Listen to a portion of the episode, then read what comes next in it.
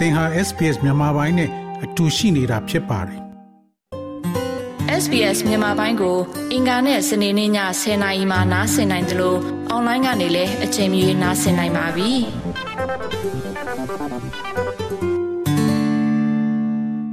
မင်္ဂလာပါကလေးတွေရဲ့စိတ်ကြံမာရေးဟာကိုဗစ်ရောဂါကာလအတွင်းပုံမပြီးစိုးရိမ်စရာဖြစ်လာနေပါတယ်စိတ်ကြံမာရေးပြဿနာအနေငယ်ဟာကိုဗစ်ကာလကြောင့် ဖြစ်လာရတယ်လို့ UNICEF မှစာတမ်းအသစ်တစ်ခုရသိရပါတယ်။သူတည်နာပြုလုပ်သူတွေနဲ့တက်ကြွလှုပ်ရှားသူတွေဟာကလေးတွေအလုံးအတွက်ကောင်းမွန်တဲ့စိတ်ကြံမာရေးမြင့်တင်မှုနည်းလမ်းတွေကိုတောင်းဆိုနေကြပါတယ်။ကိုဗစ်ရောဂါကြောင့်ကလေးတွေရဲ့စိတ်ကြံမာရေးဟာလာမယ့်နှစ်များစွာအသည့်ထိခိုက်နိုင်ကြောင်းအင်္ဂါနေ့ကထုတ်ပြန်တဲ့ UNICEF စာတမ်းတစ်ခုမှာတတိပေးထားပါတယ်။ The State of the World's Children 2021စာရန်အရကလေးငယ်တွေနဲ့လူငယ်တွေဟာစိတ်ခံစားမှုတွေကိုဖွင့်ချမှုမရှိဘဲနေနေတတ်ကြတယ်လို့ဆိုပါတယ်။ယခုလိုလျက်လူရှုပြီးနေထိုင်တာဟာအတော်လေးစိုးရင်စရာကောင်းတယ်လို့ UNICEF Australia မှမူဝါဒအစိုးရရင်ကြားစိတ်ရေးလှုပ်ရှားမှုကောင်းဆောင် Oliver White က SBS နဲ့အင်တာဗျူးတစ်ခုမှာယခုလိုပြောထားပါတယ်။ uh, mental health are a huge problem for children and adolescents across the world, including Australia. It's having a massive cost on children's lives, both human cost, um, but also financial cost in terms of uh, the impact on their uh, learning, their development. Their Australia အပါအဝင်ကဘာတဝမ်းကကလေးတွေရဲ့စိတ်ကြံမာရေးဟာစိုးရင်စရာရှိပါတယ်။သူတို့ရဲ့နေထိုင်မှုပုံစံတင်ယူလေ့လာမှုတာဝန်ယူတတ်မှုနဲ့ လေးလာနိုင်မှုစွမ်းအားတွေကို ထိခိုက်နေကြောင်းယခုပြဿနာကြီးအတွက်ပြင်ဆင်မှုအားနည်းနေကြောင်းသူမက ရှင်းပြပါရယ်။ UNICEF ဟာတကဘာလုံးကကလေးငယ်တွေကို လူသားချင်းစာနာထောက်ထားမှုနဲ့ဖွံ့ဖြိုးမှုအပိုင်းမှာတာဝန်ယူကြီးကြပ်ပေးနေတဲ့အဖွဲ့အစည်းတစ်ခုဖြစ်ပါတယ်။အရှိကောက်ကတော့ United Nations Children's Fund လို့ခေါ်ပါတယ်။ UNICEF အဖွဲ့ဟာနိုင်ငံပေါင်း192နိုင်ငံမှာရုံးခွဲတွေရှိပြီးတော့လူမှုဖွံ့ဖြိုးရေးအကူအညီအများဆုံးပေးနေတဲ့အဖွဲ့အစည်းတစ်ခုလည်းဖြစ်ပါတယ်။ကမ္ဘာတဝန်းကကလေးတွေရဲ့ပြဿနာမျိုးစုံရဲ့တွေ့ရှိချက်စာတမ်းတွေကိုနှစ်40တိုင်းထုတ်ပြန်နေပါတယ်။ယခုစာတမ်းအတွက်နိုင်ငံပေါင်း22နိုင်ငံကလူပေါင်း2000ကိုကလေးတွေရဲ့စိတ်ကြံမာရေးဖွံ့ဖြိုးမှုနဲ့ ကူညီဆောင်ရှောက်မှုအပိုင်းကိုဦးတည်ပြီးမေးပြန်ထားပါတယ်။စာတန်းရဲ့တဲဖြတ်သူကောင်းဆောင်ဖြစ်သူဇနီဟပ်ဟက်စီကကမ္ဘာစီးပွားရေးကြောင့်ဖြစ်ရတဲ့အခက်အခဲတွေကိုယခုလိုပြောထားပါတယ်။ We are calling for national uh, evidence-based national men- mental health programs uh,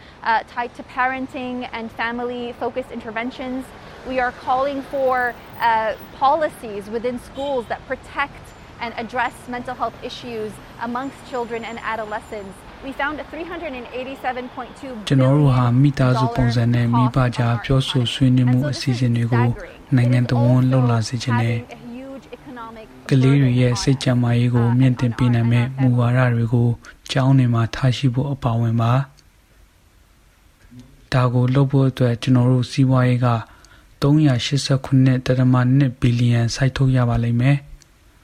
ဒါဟာမိသားစုတွေအကြားကြီးမားတဲ့ကုန်ချမှုတစ်ခုဖြစ်ကြောင်းသူကပြောထားပါတယ်။ကဘာတဝန်းကအသက်10နှစ်နဲ့19နှစ်ကြားကလေးတငယ်9ယောက်မှာ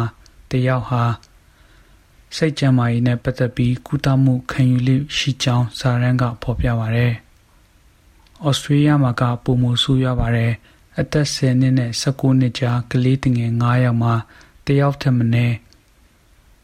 21.5ရာခိုင်နှုန်းဟာစိတ်ကြံမာရေးထိခိုက်နေကြကြောင်းသိရပါတယ်။ယောက်ျားလေးကလေးငယ်၄ယောက်မှာတယောက်23.3ရာခိုင်နှုန်းနဲ့မိန်းကလေးကလေးငယ်စုစုပေါင်းရဲ့19.5ရာခိုင်နှုန်းဟာစိတ်ကြံမာရေးထိခိုက်မှုရှိနေနိုင်ကြောင်းဖော်ပြပါတယ်။စိတ်ကြံမာရေးကိုကိုဗစ်ရောဂါဒါမှမဟုတ် တခြားရုပ်ပိုင်းဆိုင်ရာယောဂတွေလိုအတိအကျကုသပေးဖို့လိုအပ်ကြောင်း Mr. White ကပြောပါတယ် We're only seeing the tip of the iceberg. Uh, so much of it is hidden and we know the need is huge and yet the investment that we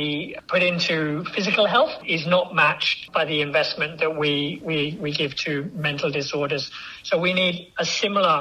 focus uh, and a similar amount of ကျွန်တော်တို့ investment တွေ့ရှိ on တာက addressing mental အပေါ်ရင် disorder, လောက်တာဖြစ်နိုင်ပါတယ် mental illness in children and ရှာ young မတွေ့ people. သေးတဲ့ And- and ပမာဏ taking အများကြီး seriously ကျန်နေ as we ပါသေး take တယ် mental disorders and disease. ဒါပေမဲ့ရုပ်ပိုင်းဆိုင်ရာကုသဖို့အတွက်သာကြီးမားတဲ့ရင်းနှီးမြှုပ်နှံမှုတွေကိုပြုလုပ်လေ့ရှိကြပါတယ်ကလေးငယ်တွေနဲ့လူငယ်အရွယ်တွေရဲ့စိတ်ပိုင်းဆိုင်ရာကျန်းမာရေးအတွက်လည်းတူညီတဲ့ရင်းနှီးမြှုပ်နှံမှုပြုလုပ်တင်ကြောင်းသူကဆိုပါတယ်ကလေးတွေရဲ့စိတ်ပိုင်းဆိုင်ရာယောဂတွေကိုကုသပေးဖို့က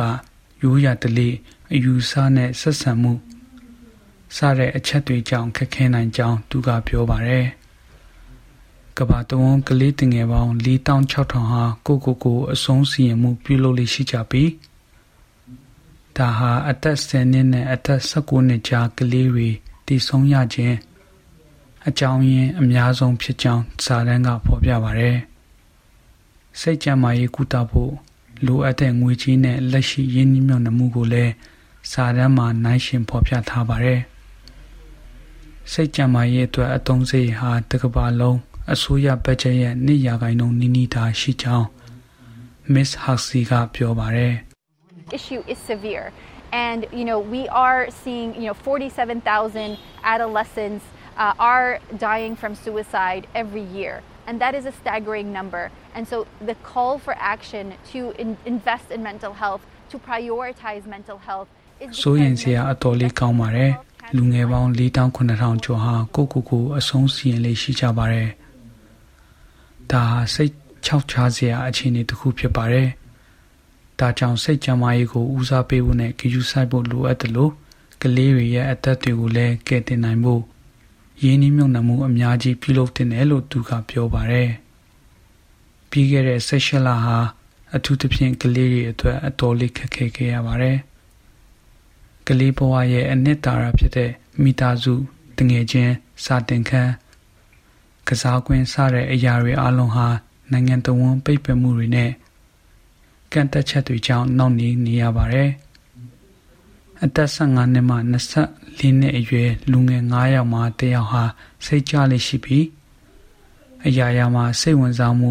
ညော့နေလာနေကြောင်းစာရန်ကသူတေသနာပြုလုပ်ထားပါတယ်ကိုဗစ်ကပ်ရောဂါဟာ၃နှစ်မြောက်ကိုရောက်ရှိလာပါတော့မယ် ယခုကာလအတွင်းကလေးတငယ်လေးတွေနဲ့လူငယ်အရွယ်လေးတွေရဲ့စိတ်ကြမ်းမာရေးဟာဆိုးရွားလာနေကြောင်းကလေးတငယ်ဆိုင်ရာဩစတြေးလျလူအခွင့်အရေးကော်မရှင်နာ Annie Hollands ကပြောပါတယ် crisis like this actually just exposes existing weaknesses in the systems and what we need to be doing is is fixing those broken systems but we also need to be making sure that children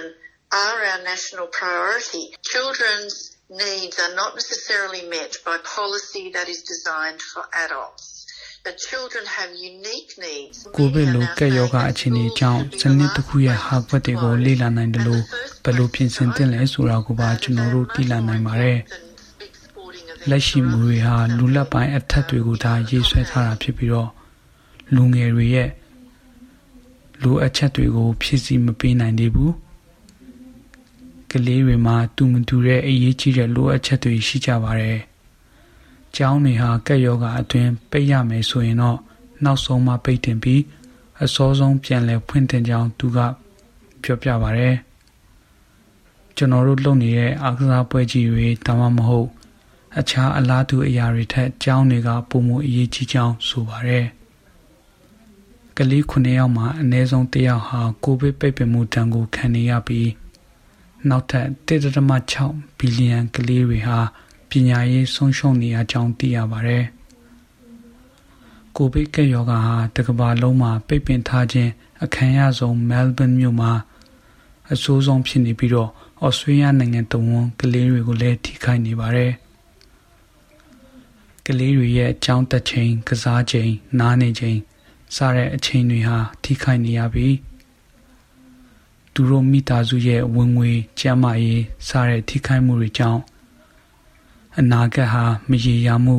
ဒေါသထွက်မှုကြောက်ရွံ့မှုစတဲ့ဒဏ်တွေကိုခံနေရပါတယ်။ကလေးတငယ်တွေရဲ့စိတ်ကြမ်းမာရေးကိုကုသဖို့အတွက်ရင်းနှီးမြှုပ်နှံမှုနဲ့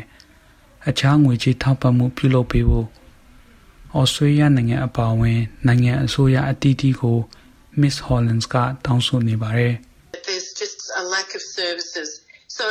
obviously through COVID, there's been um, a lot of money put into the youth mental health area, uh, and that's fantastic. But you know, 12 and under, uh, what I'm hearing from parents is that even when their kids are suicidal, they can't get public mental health services. They're being turned away. ကိုဗစ်ကာလမှာလူလက်ပိုင်းအရွယ်စိတ်ကြံမာရေးကုသမှုအကူအညီရှိတာကိုဝမ်းသာပေမဲ့ Um, light အသက်10နှစ်အရွယ်လေးတွေအတွက်ဘယ်လိုဝန်ဆောင်မှုမှရှိမနေဘူး ကိုကိုကိုအဆုံးစီရင်ဖို့အကြံတွေရှိလာတဲ့အချိန်မှာတောင်10နှစ်အောက်ကလေးတွေဟာအစိုးရရဲ့စိတ်ကြံမာရေးအကူအညီကို တောင်းလို့မရကြောင်းမိဘတွေကတဆင့်သိရပါတယ်။ဒါကြောင့်ကြိုတင်ပြင်ဆင်မှုတွေအများကြီးလုပ်တင်ကြောင်းသူကပြောပါတယ်။ယခုဆောင်ပါကို Marcus Luca Konomos ကပေးပို့ခဲ့တာဖြစ်ပြီးကျွန်တော်ပြည်စုံက SBS မြန်မာပိုင်းအတွက်တင်ဆက်ပေးခဲ့တာဖြစ်ပါတယ်။ နားဆင်ပေးခဲ့ကြတဲ့တောတာရှင်များအားလုံးကဲ့ယောဂါမှကင်းဝေးပြီးရှင်လန်းချမ်းမြေ့ကြပါစေခင်ဗျာ။ SBS Radio App ကို download လုပ်ပြီးနားဆင်မှတ်ချက်ပြုနိုင်ပါတယ်။ဒါ့ရိုက်သို့မဟုတ်အချိန်မြေးနားဆင်နိုင်ပါပြီ။စစ်တမ်းမှာပါဝင်နိုင်သလိုဆက်သွယ်မှုလည်းပြုလုပ်နိုင်ပါတယ်။ Google Play ဒါမှမဟုတ် App Store မှာအခမဲ့ရယူနိုင်ပါပြီ။။